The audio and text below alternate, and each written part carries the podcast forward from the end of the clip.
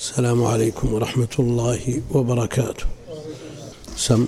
بسم الله الرحمن الرحيم. الحمد لله رب العالمين. وصلى الله وسلم وبارك على نبينا محمد وعلى آله وصحبه أجمعين. قال الإمام المجدد رحمه الله تعالى باب ما جاء في قول الله تعالى ولئن أذقناه رحمة منا من بعد ضراء مسته ليقولن هذا لي الآية قال مجاهد هذا بعملي وأنا محقوق به. وقال ابن عباس يريد من عندي. وقوله قل إنما أوتيته على علم عندي. قال إنما أوتيته على علم عندي. قال قتاده على علم مني بوجود المكاسب. وقال آخرون. أحسن الله إليك. قال قتادة على علم مني بوجوه المكاسب. وقال آخرون. على علم من الله أني له أهل. وهذا معنى قول مجاهد. أوتيته على شرف. وعن أبي هريرة رضي الله عنه أنه سمع رسول الله صلى الله عليه وسلم يقول إن ثلاثة من بني إسرائيل أبرص وأقرع وأعمى فأراد الله أن يبتليهم فبعث إليهم ملكا فأتى الأبرص فقال أي شيء أحب إليك؟ قال لون حسن وجلد حسن ويذهب عني الذي قد قذ قذرني الناس به. قال فمسحه فذهب عنه قذره فأعطي لونا حسنا وجلدا حسنا. قال فأي المال أحب إليك؟ قال الإبل أو البقر شك إسحاق فأعطي ناقة عشرا. وقال بارك الله لك فيها. قال فاتى الأقرع فقال أي شيء أحب إليك؟ قال شعر حسن ويذهب عني الذي قد قذرني الناس به. فمسحه فذهب عنه وأعطي شعرا حسنا. فقال أي المال أحب إليك؟ قال البقر أو الإبل فأعطي بقرة حاملا. قال بارك الله لك فيها. فأتى الأعمى فقال أي شيء أحب إليك؟ قال أن يرد الله إلي بصري فأبصر به الناس. فمسحه فرد الله إليه بصره. قال فأي المال أحب إليك. قال الغنم فأعطي شاة والدا فأنتج هذان وولد, وولد هذا. فكان لهذا واد من الإبل ولهذا واد من البقر ولهذا واد من الغنم. قال ثم إنه أتى الأبرص في صورته وهيئته فقال رجل مسكين قد انقطعت بي الحبال في سفري. فلا بلاغ لي فلا بلاغ لي اليوم إلا بالله ثم بك. أسألك بالذي أعطاك اللون الحسن والجلد الحسن والمال بعيرا أتبلغ به في سفري. فقال الحقوق كثيرة فقال له كأني أعرفك. ألم تكن أبرص يقذرك الناس فقيرا فأعطاك الله عز وجل المال. فقال إنما ورثت هذا المال كابرا عن كابر.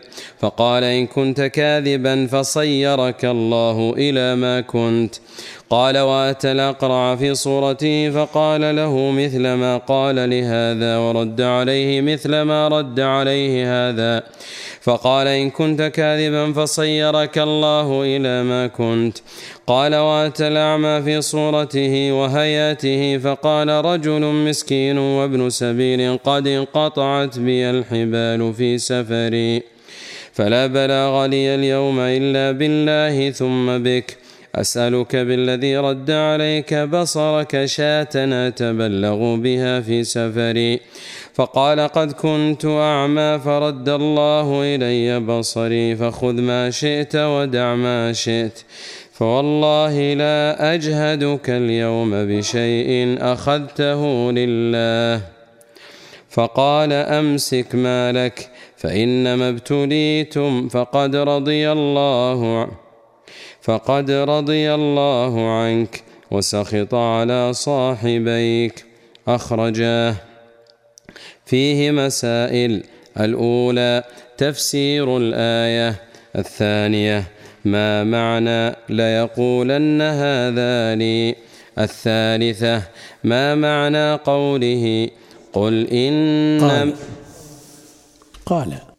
قال إنما أوتيته على علم عندي. الرابعة ما في هذه القصة العجيبة من العبر العظيمة.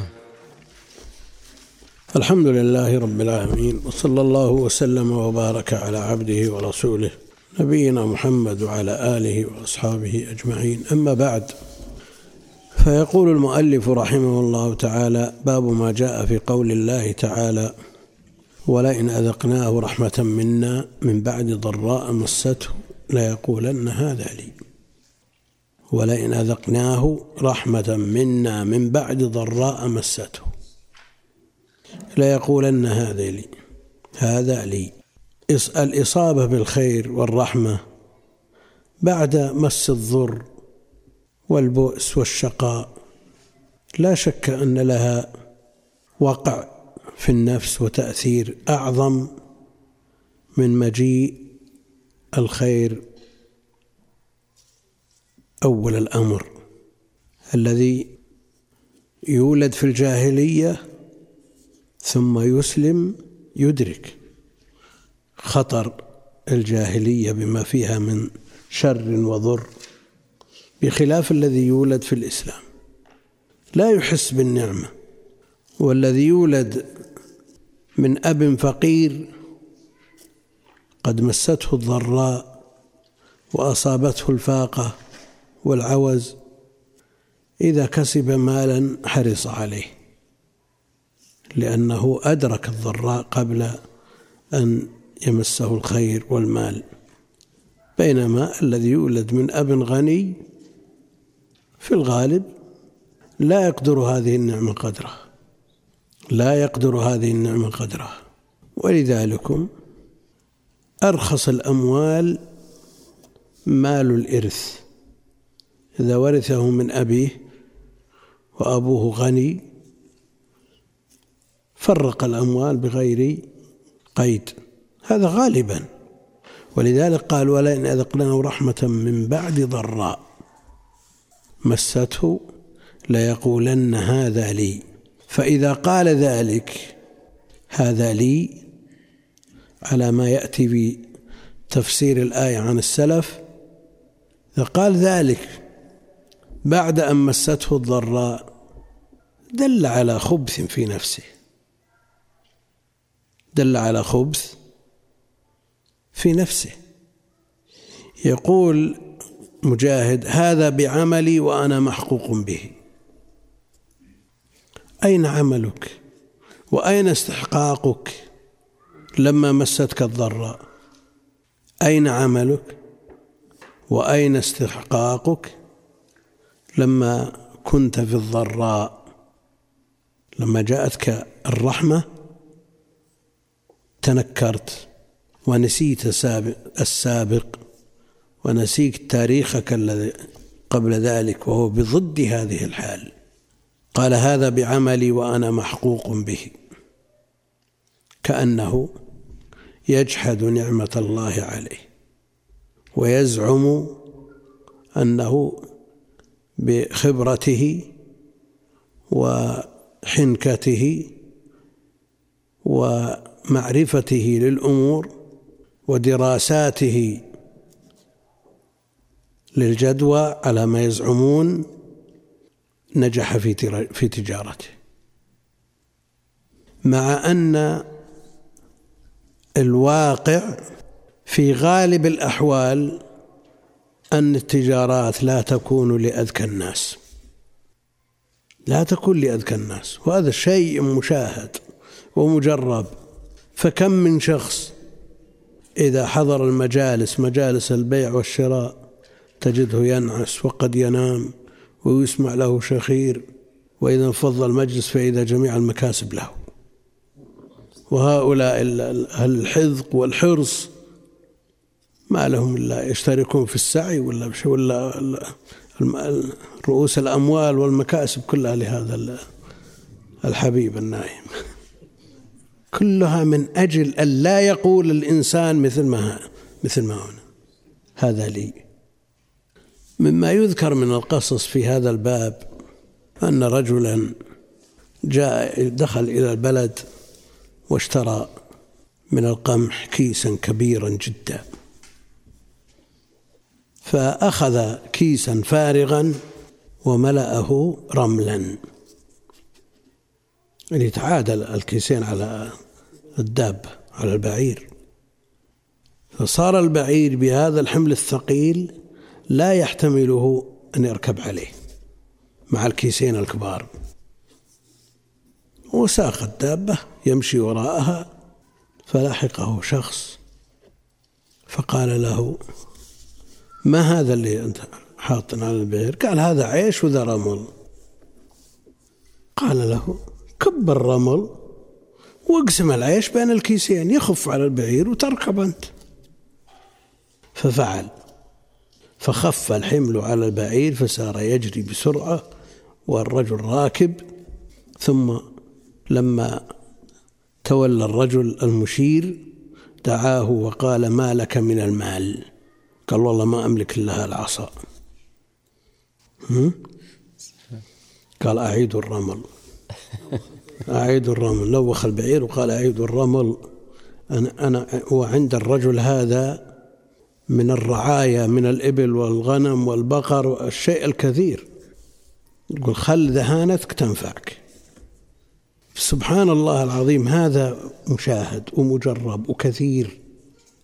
وسمعنا في بداية الطفرة من أحضر العمال الكثر وقال بلساني تحروا لي سنة سنتين فإذا أنا من تجار البلد. معروف الرجل ذكي جدا. وش اللي حصل؟ ما أدرك شيء. والآن يأخذ من الزكوات. أقل الأحوال أن يربط الأمور بالله جل وعلا. أنا أقول إن شاء الله يوفقني لهذا أو يفعل كذا. هذا بعملي وأنا محقوق به يقوله مجاهد. وقال ابن عباس يريد من عندي. هذا لي يعني من عندي. كيف من عندك؟ أين هذا لما مستك الضراء؟ من عندك. كان هذا المال معدوم ثم رزقك الله هذا المال. تقول من عندي؟ طيب من عندك ما نفعت نفسك يوما لما جاء لما كنت في الضراء.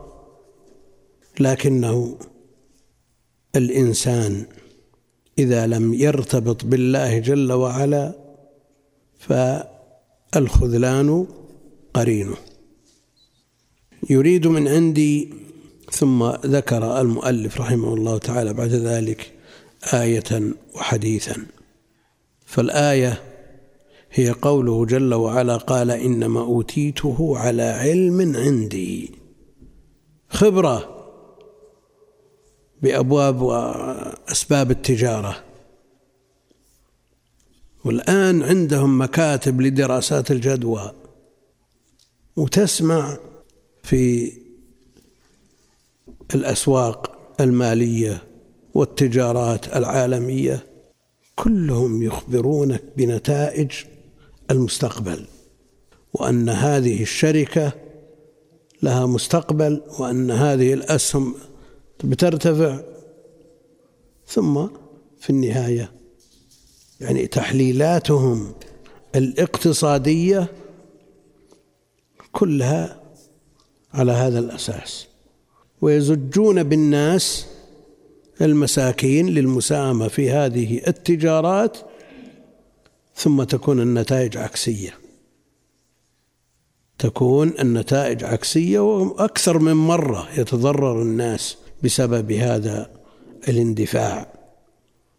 والذين زجوهم في هذه التجارات وهذه الأسهم هم الذين غشوهم ولكن المسلم له عقل ويعلم أن الغيب لا يعلمه إلا الله لكن مع ذلك يقتحمون ويتقحمون لما يرون من مكاسب آنية وتحصل الكوارث. وكما قال الله جل وعلا عن أهل النار ولو ردوا لعادوا لو يعلن عن مساهمة ساهموا مع الخسائر الطائلة. قال إنما أوتيته على علم عندي. قال قتادة على علم مني بوجوه المكاسب. يقول يعرف السلع المربحة والسلع التي لا ربح فيها. ومع ذلك قد يؤتى من حيث لا يحتسب من هذه السلع المربحة. تأتيها جائحة تجتاحها فتذهب برأس المال والمكاسب. وهذا كثير. وهذه عقوبات من الله جل وعلا أو تكفير للسيئات المقصود أن الإنسان لا ينفك من الارتباط بالله جل وعلا ولا يعتمد على نفسه ولا يغتر بفلان أو علان. علينا أن نرتبط بالله جل وعلا في أمورنا كلها. قال على قال قتادة على علم مني بوجوه المكاسب وقال آخرون على علم من الله. أني له أهل. قال آخرون على علم من الله أني له أهل. قال إنما أوتيت على علم عندي الآية. قال الآخرون على علم من الله أني له أهل. ينسجم المفسر مع التفسير. على علم عندي قال آخرون على علم من الله. أني له أهل. ينسجم إذا كان المقصود بالعلم هو علم الله وعندي هو الشرف الذي يعلم به الله هو الأهلية. الأهلية كونه أهل لذلك. فله نوع ارتباط من هذه الحيثية. قال وهذا معنى, معنى قول مجاهد وهذا معنى قول مجاهد أوتيته على شرف. أوتيته على شرف. وهي الأهلية أنه له أهل. هذا الشرف هذه الأهلية. وكل ذلك مناف لشكر النعمة. فالشكر واجب. لئن شكرتم لأزيدنكم. ولئن كفرتم إن عذابي لشديد. فالشكر يتطلب الاعتراف بهذه النعمة وأنها من الله جل وعلا وأنه لا حول ولا قوة له إلا بالله. وأيضا التحدث بها ظاهرا يتحدث بهذه النعمة ويشكر الله عليها وينسبها إلى مسديها وموليها وهو الله جل وعلا ثم بعد ذلك يستعملها فيما يرضي الله سبحانه وتعالى. هذه أركان الشكر فإن جحدها بقلبه ولم يعترف بها بلسانه واستعملها في معاصي الله جل وعلا فقد كفرها. ثم ذكر المؤلف رحمه الله تعالى حديث الثلاثة من بني إسرائيل. نعم. على حسب قوة هذا الإنكار يعني هو مجرد ما تحدث بها وهو معترف بها بقلبه. فرق بينه وبين من ينكرها ويضيفها إلى نفسه أو يضيفها إلى غير الله جل وعلا لا باعتبار أنه سبب. لو قال هذه النعمة من فلان. نعم. باعتباره سبب هو الذي أوصلها إليه ويعرف أنها من الله جل وعلا. تقدم. هذا تقدم. وإن كان يقول هذا هو المنعم الحقيقي علي هذا أمره عظيم. صلى الله العافية ثم ذكر حديث ثلاثة من بني إسرائيل.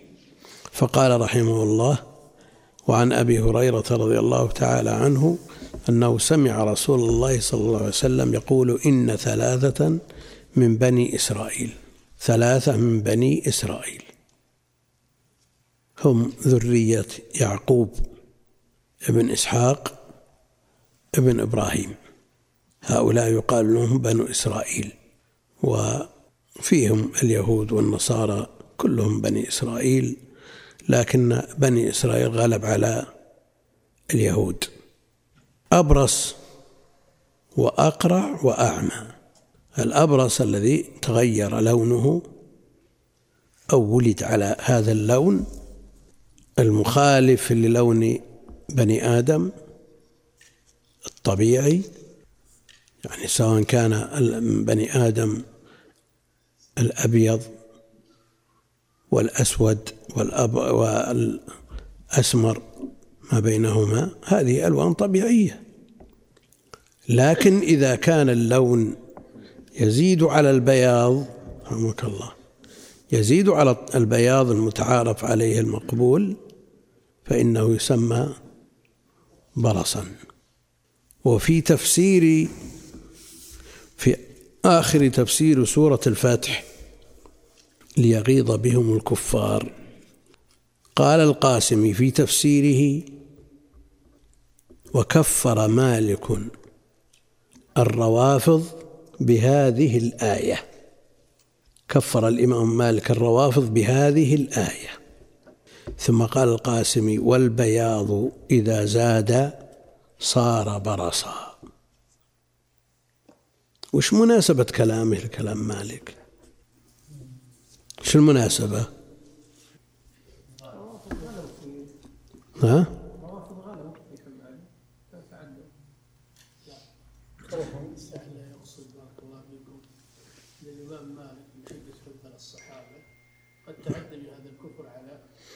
يعني بالغ في حكمه على الروافض. هذه من وجهة نظر القاسمي. والبياض إذا زاد صار برصا وينتقد. القول بتكفيرهم لكن كفرهم.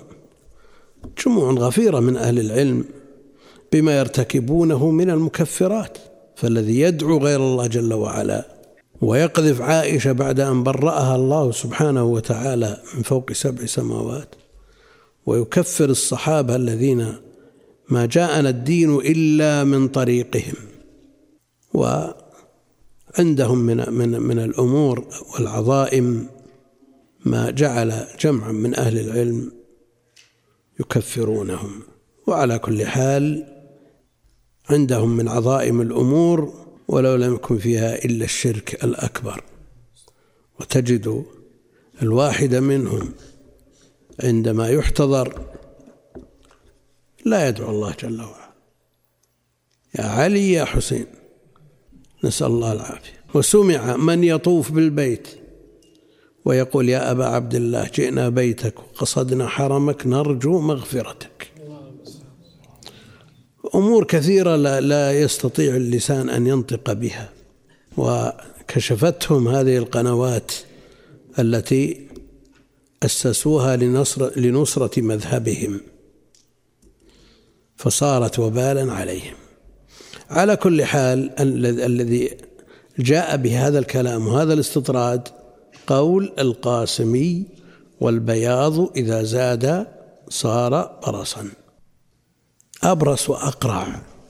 الأقرع الذي لا شعر له على رأسه. ما في شعر مطلقا. هذا يسمى أقرع.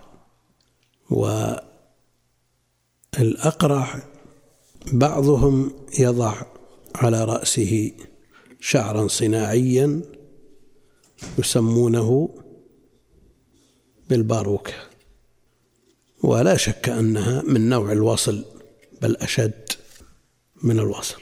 وهنا حدثت الزراعة زراعة الشعر. وعلى كل حال الأقرع الذي لا شعر له. وأما حكم الزراعة وما يشبه المسألة فقهية مدروسة ومعروفة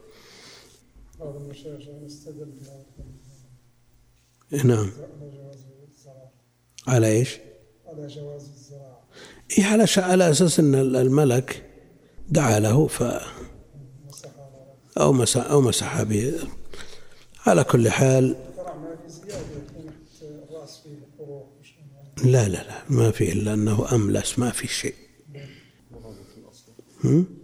مراد في الأصل يصلح اصلح أصلع. نفسه نفسه. الذي لا شعر له أقرع. وأعمى. والأعمى الذي لا يبصر. الأعمى الذي لا يبصر. أيهم أشد مصيبة؟ الأبرص والأقرع والأعمى.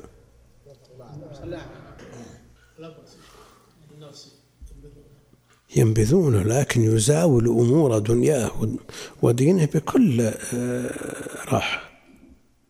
لا ينقص شيء؟ إذا قارنا بين الأعمى والأصم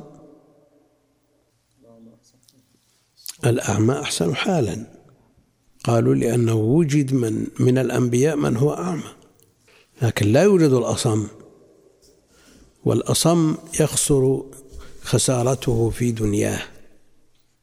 ولذلك قدم السميع البصير. ويفوته من أمور الدين والعلم والخير. يفوت ال- ال- الأصم أكثر مما يفوت الأعمى. وبالنسبة لأمور الدنيا حتى في أمور الدين الأبرص إذا صبر واحتسب قد لا يفوته شيء من الأمور الحسية. قد يكون في الأمور المعنوية في تقدير الناس له وفي اختياره إذا وجد من ينافسه في أشياء. ولو تقدم لخطبة قد يرد وهكذا يتضرر في دنياه. لكن هو بذاته ما ما يحس بشيء. يتضرر أكثر من الشمس. شو؟ يقول يتضرر أكثر من الشمس. من الشمس يتضرر من الشمس. لأن الجلد عنده رقيق جلد رقيق عنده. والأقرع إذا غطى رأسه بعمامة أو شبهها ما ما يضره شيء. وعلى كل حال هذا الحاصل. هؤلاء الثلاثة وجدوا في بني إسرائيل فأراد الله أن يبتليهم يختبرهم. فأراد الله أن يبتليهم من باب الاختبار والله أعلم بما سيؤول إليه الأمر قبل حصوله قبل حصوله ولكن ليظهر الأمر إلى عالم الشهود وتقوم الحجج على الخلق يبتلي ويختبر. فبعث إليهم ملكا من الملائكة فأتى الأبرص. فأتى الأبرص فقال أي شيء أحب إليك؟ أي شيء أحب إليك؟ قال لون حسن. ما قال لون اكتفى؟ يبي لون حسن. ولا شك أن السؤال من كريم فلا يلام أن يقال حسن. صحيح أن ال ال الاستشراف في أمور الدنيا وطلب الأكمل فيها مما لا أثر له في أمر الآخرة قد يكون مفضولا. ولذلك قال لون حسن وجلد حسن. شو الفرق بين اللون الحسن والجلد الحسن؟ ها ذكرت أن الجلد يكون رقيق هو جلده يكون رقيق لأنه ولذلك أي شيء يؤثر عليه. فرق بينها بين الجلد الحسن يعني يعطيها الجلد بس ما يختار اللون. اللون الحسن يختار اللون الأفضل. قد يكون الجلد حسن على جلد غير حسن اللي يعملوا بالحنطة لكن جلد خشن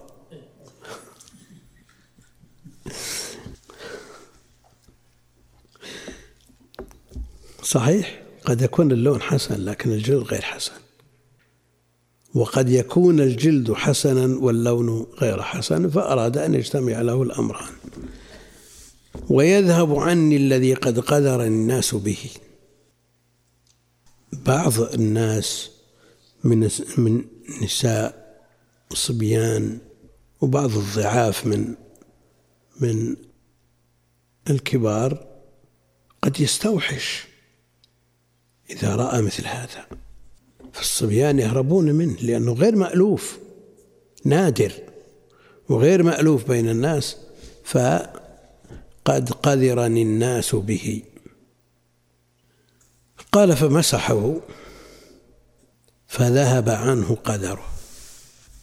هل البرص له علاج. ها؟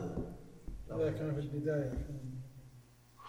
يسمونه وبأس إلى أخف البهاق. لا إيه لا يخففه أو يحجمه ما يزيد. لكن البرص لو كان له علاج ماذا تكون خصيصة عيسى عليه السلام؟ إذا وجد من يبرئ الأبرص. علمه من علم وجهل من جهل أنا أقول افهم كلامي. لو وجد له علاج هو إلى الآن ما وجد علاج يمسح مسح. قد يحجم ولا يزيد شيء. أما كونه يعالج وقد يعالج بألوان ما هي بألوان طبيعية بشرية. تختلف عن بقية جسده لكنها تخففه ومع ذلك يقولون لو وجد له علاج لما صار من خصائص عيسى عليه السلام. إنه يبرئ الأبرص ولا- والأكمة. لكن يذكر بعضهم أنه يوطخ بالثوم والعسل ويوم وراء يوم ثم يخف يخف. بعض الناس إذا كان في البداية سبحان الله. لكن في أعرف ناس بس لا يعني يكون في البداية تو كذا ما انتشر الجسم بشكل عام لكن الله يحسن إليك. هل يذهب بالكليه أم يبقى منه كما قيل في قصة أويس القرني؟ هل كان أويس ابرص ثم خف إلى هذا الحد؟ أو من الأصل ما في إلا موضع درهم. ها؟ على كل حال الكرامات غير. الكلام في العلاج. هذا مسحه الملك وذهب البرص ها؟ هل يتعارض مع عيسى؟ إلا ما يتعارض. ما يتعارض. ليس عن طريق العلاج هم؟ فيه علاج يخليك ابيض ولا يعكس اللون؟ شلون؟ إيه يخلون ال- ال- الس- السمارة اللي فيه والبياض فيه يصير على الجسم كله هذا فيه احد الثوم والعسل كان بيضان إيه، يصير ابيض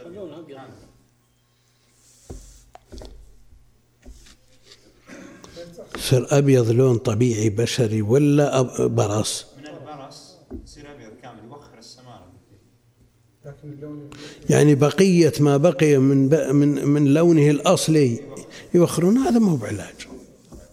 هذا مو بعلاج.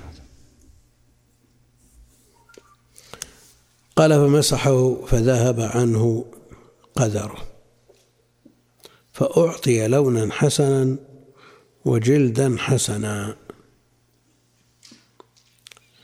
قال فأي المال أحب إليك؟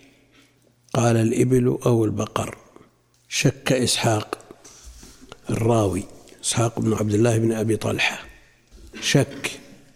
والذي يظهر من السياق في بقية الخبر أنه قال الإبل فأعطي ناقة عشراء عشراء يعني حامل وفي الغالب أنها ما يقال عشراء إلا في الشهر العاشر في آخر الحمل وقال بارك الله لك فيها.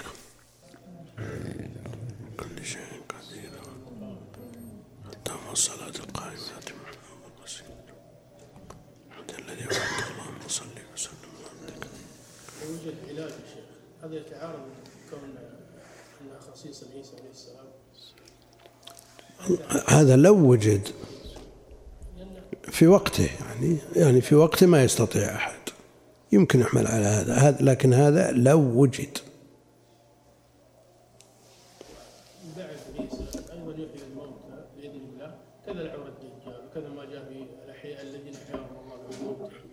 خلى الخصائص غير خصائص غير. ما ما ينافي.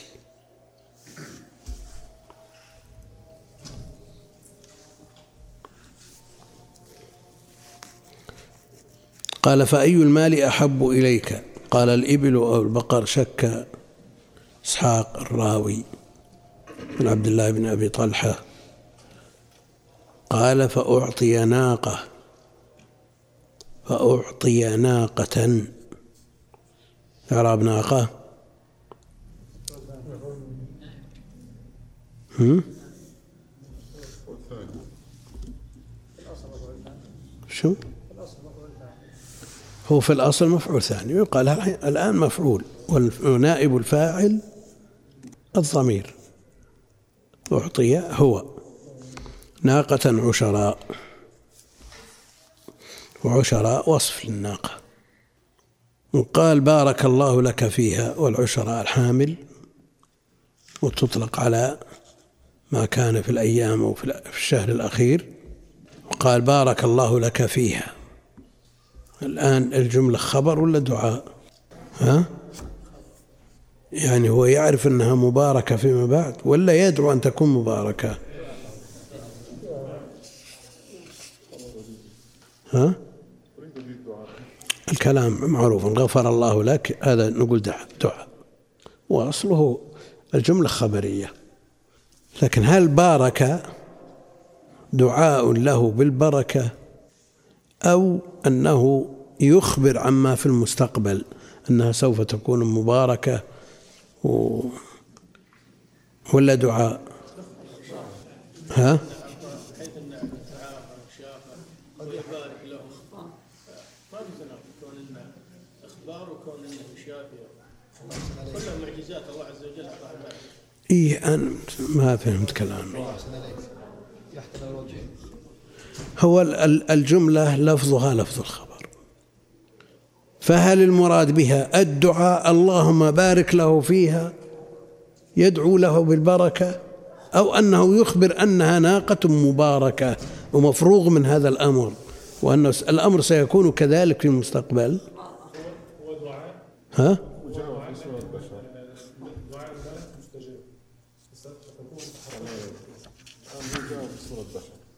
ما علم انه ملك هو جاء في صورة بشر فهذا الاصل انه يكون دعاء هو دعاء في حقيقته خذها بارك الله لك فيها. خذها بارك الله لك فيها وكأنه قال اللهم بارك له فيها. وليس المراد أن نأخذها ومن الآن هي مباركة وستظهر وسيظهر أثر بركتها فيما بعد. ليس هذا هو المراد. هل يعلمون أنه ملك أو لا يعلمون؟ ما يدرون. بشر. سيأتيهم فيما بعد على صورهم السابقة. ها؟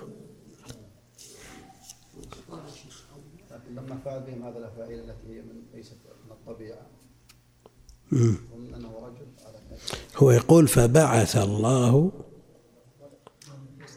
فأراد فبعث الله إليهم ملكا فأتى.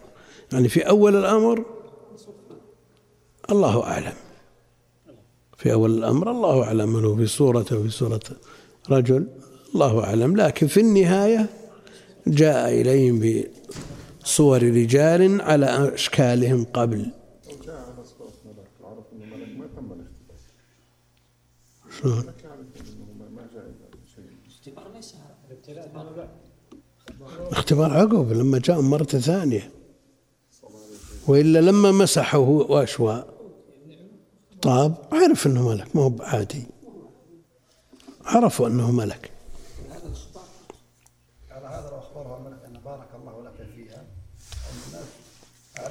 يحتمل اللفظ محتمل ولفظ الجملة خبرية.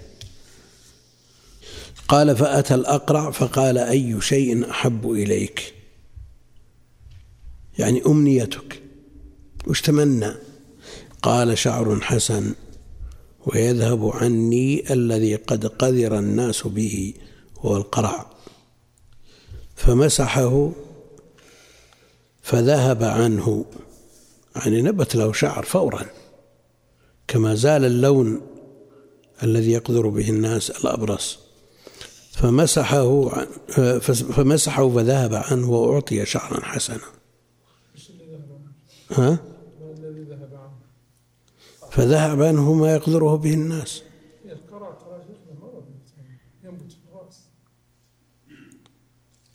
ما أظن ما أظن ها؟ هو ذهب عنه الذي العدم. عدم عدم الشعر ذهب. عنه قصد شيخ إن القرع يكون بسبب المرض. قد يكون بسبب المرض وقد يكون فرق على كل حال الذه القرع القرع المراد في الحديث وهو المعروف في تعريفه لغة وشرعا وعرفا أنه عدم الشعر صلى الله عليه قد أرى الناس به هل يدل يا شيخ على أنهم ما كانوا يحطوه وسعوا واضح. واضح. لو عليه طاقية ولا ما ما ما, ما تأثر لأن عندنا الآن شباب في العشرينيات ما ما عليهم شعر. ها؟ إيش؟ الحمد لله. ومن باب المناسبة بعض الناس إذا علاه الشيب يحرص على صبغ لحيته دون رأسه لأن الصبغ له كلفة فيصبغ ما يظهر ويترك ما يغطى مع أن دخول الشعر في الأمر غيروه دخول أولي نعم ودخوله في النص قطعي لماذا؟ لأنه لما أتي بأبي قحافة ورأسه كالثغامة. قال غيروه. فالمطلوب تغييره بالنص الرأس وغيره بالإلحاق. لكن الناس ما دام الرأس غطى ما له داعي يتكلف فيه. وبعضهم يقول الموس يريحنا منه ها؟ يريح كل الرأس. إي نعم. ولا يظهر للناس اللحية تصبغ. مع أن امتثال الأمر غيره إنما يتم بالجميع والرأس دخوله في النص قطعي لأنه هو السبب.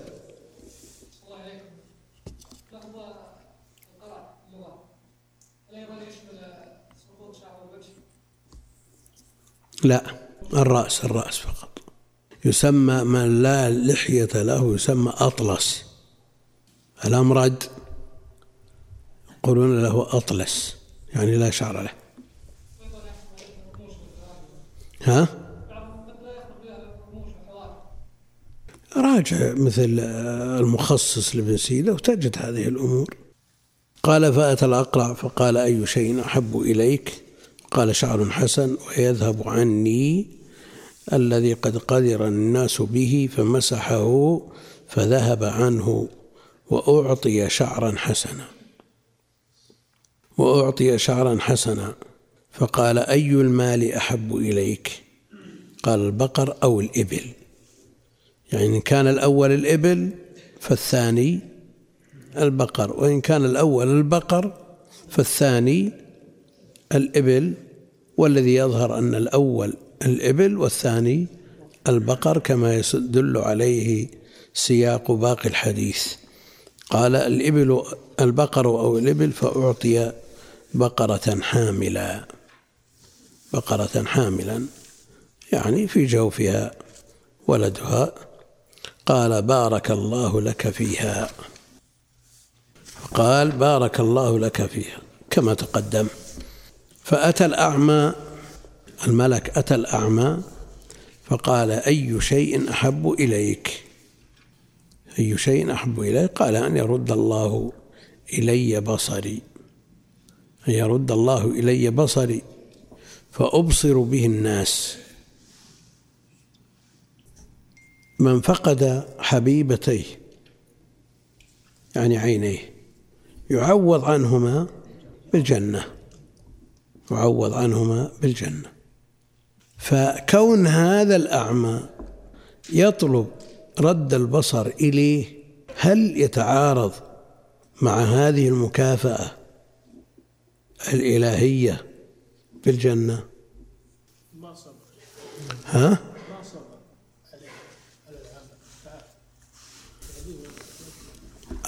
افرض انه راح للمستشفيات وبذل الأسباب وأبصر هل نقول حرمت الجنة بسبب هذا؟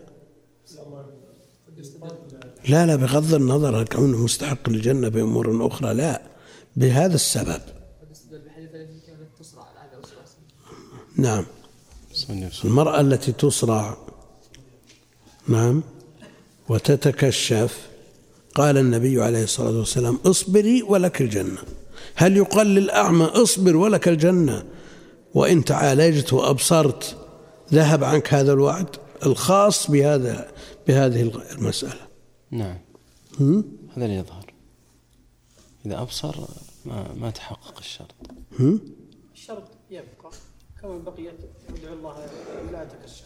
إي لكن ال ال لو لو دعا الله وذهب عنها كل ما يص- ينتابها في هذه الحال ما استحقت ما, استحق ما تكون ما صبرت ولا تستحق الوعد. فنقول هذا الأعمى الذي عالج حتى أبصر لا يستحق الوعد بالجنة.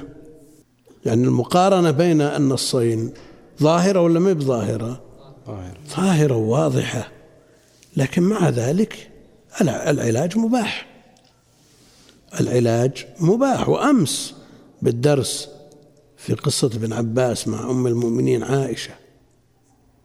لما قال له الطبيب أعالجك؟ لما أصيب بعينيه أعالجك على ألا تسجد عشرة أيام.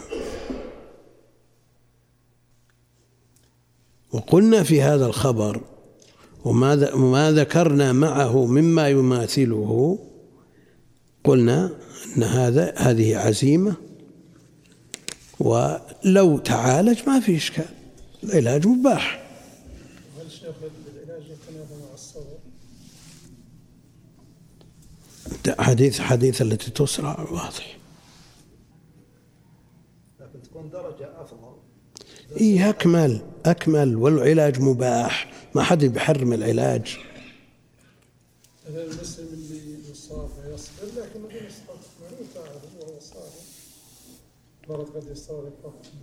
هذا صبر على المصيبة. صبر عليها في بدايتها ما جزع ولا ناح ولا سوى شيء. فيؤجر أجر الصبر لكن الاحتساب واستمرار الأجر مثل ما- في التي ما جاء في التي تسرع ها؟ لا ما يلزم. لا لا. الصبر على على على المصائب أجر عظيم. فقد حبيبتيه هل الفقد بمجرد الفقد إن عاد أم لم يعد؟ له الأجر بمجرد الفقد. فقد فلو عوضه الله به الجنة. بغض طيب. النظر عاد أم لم يعد. واضح واضح. الصبر على يعني مثل نظير مسألة قطع اليد في الحد؟ هل يتم استيفاء الحد مع إرجاعها. ثم تعاد بالطرق الطبية الموجودة مع أنه كلام يجر بعضه بعضا. في عقيدة المهدي بن تومارت قال ولو بانت إصبع مخلوق لما استطاع الخلق إعادتها. لو بانت إصبع مخلوق لما استطاع الخلق إعادتها. هم؟ وأنا أعرف شخص جاء بإصبعه ملفوفة بمنديل من منطقة أخرى وذهب بها إلى المستشفى التخصصي فأعادوها. أخذت مدة طويلة وليست إعادة مثل الأصبع الثانية. لونها يختلف قدرتها على الاستعمال لم تكن كاملة لكنها تتحرك ويستعملها على على ضعف بالنسبة للأخرى. فابن تومارت يقول لو بانت إصبع مخلوق لما استطاع الخلق إعادتها لعله بناء على ما في إمكاناتهم في وقته على ما في إمكاناتهم ما يقدرون ذاك الوقت. من هو؟ حاتم المستعان. لعل هذه العقيدة قبل يمكن قبل. ها؟ لا لا الكلام في عقيدته هذا. نعم. وين؟ قبل انحرافه يمكن. قبل انحرافه. وقبل أن يدعي العصمة ويدعي. إلا. إلا. لكن مع ذلك أنت شفت موطأ المهدي بن تومار؟ أنتم مالكية أنتم. مطبوع في مجلدين. قبل إيه، مطبوع في مجلدين. وهو عبارة عن موطأ يحيى بن يحيى. مع حذف لبعض الأسانيد وزيادة ترتيب وزيادة تراجم وفقده آه، لا يترتب عليه شيء فقد شيء من العلم يعني قدر زائد وعامة أهل العلم لا يعرفونه إلا من ندر. فرد الله إليه بصره. قال فأي المال أحب إليك؟ قال الغنم. شوف الغلظة في الفدادين أهل الإبل. نعم. والخير والبركة والدعة والتواضع مع أهل الغنم. شوف هذا الأعم. كل أموره قادت إلى النتيجة في الاختبار. والغلظة والشدة في أهل الإبل ومثلهم أهل البقر أدت إلى تلك النتيجة والأصل الخذلان وما كتب على الإنسان وهو في وطن أمه من الشقاء والسعادة. قال الغنم فأعطي شاة والدا فأعطي شاة والدا. يعني قريبة الولادة. والقريب من الشيء يعطى حكمه. القريب من الشيء يعطى حكمه. بدليل شهر عيد لا ينقصان. رمضان وذو الحجة رمضان فيه عيد هو العيد في شوال. العيد في شوال لكن لما قرب من رمضان أعطي حكمه. ونظير ذلك إلا المغرب فإنها وتر النهار. في الحديث إلا المغرب فإنها وتر النهار وهي في الليل حقيقة. لكن لقربها من النهار أعطيت حكمه. أعطي شاة والدا فأنتج هذا هذان صاحب الإبل والبقر وولد هذا صاحب الغنم. والدا كيف يولد وهي والد؟ ها؟ لكن ولد هذه التي أعطيها وما نتج عنها. فكان لهذا واد من الإبل ولهذا واد من البقر ولهذا واد من الغنم. ثم إنه أتى يعني الكرة الثانية ونقف عليها. والله أعلم. وصلى الله وسلم على إيه. الان في عمليه سوف تجرى في رد رد راس كامل. إيه، مبان يعني مجذوع الرأس برد. بيرد يحطون يسوون عملية في جسم اخر عمليه سوف تقاوم قليل. وحياة. هم مستحيل. مستحيل. يزعمون يزعمون. لا لا لا مستحيل. كما زعموا في الاستنساخ شلون؟ ما طلعت شلون ما طلعت روحه؟ الرأس مبان ولا طلعت روحه. شفنا يزعمون هذا. مثل ما قالوا في الاستنساخ ما مستحيل مستحيل. اللي البارح المقطع قاعد راس رجال كبير في جسم صغير يعني. يقولون هذا آخر لا لا لا, لا. كل هذا دجل دجل وتشكيك للمسلمين. تشكيك من الأعداء للمسلمين. ولا مستحيل. شوف قصة النمرود. قال أنا أحيي وأميت. تكون صحيحة الكلمة ونكذب القرآن بها. كذب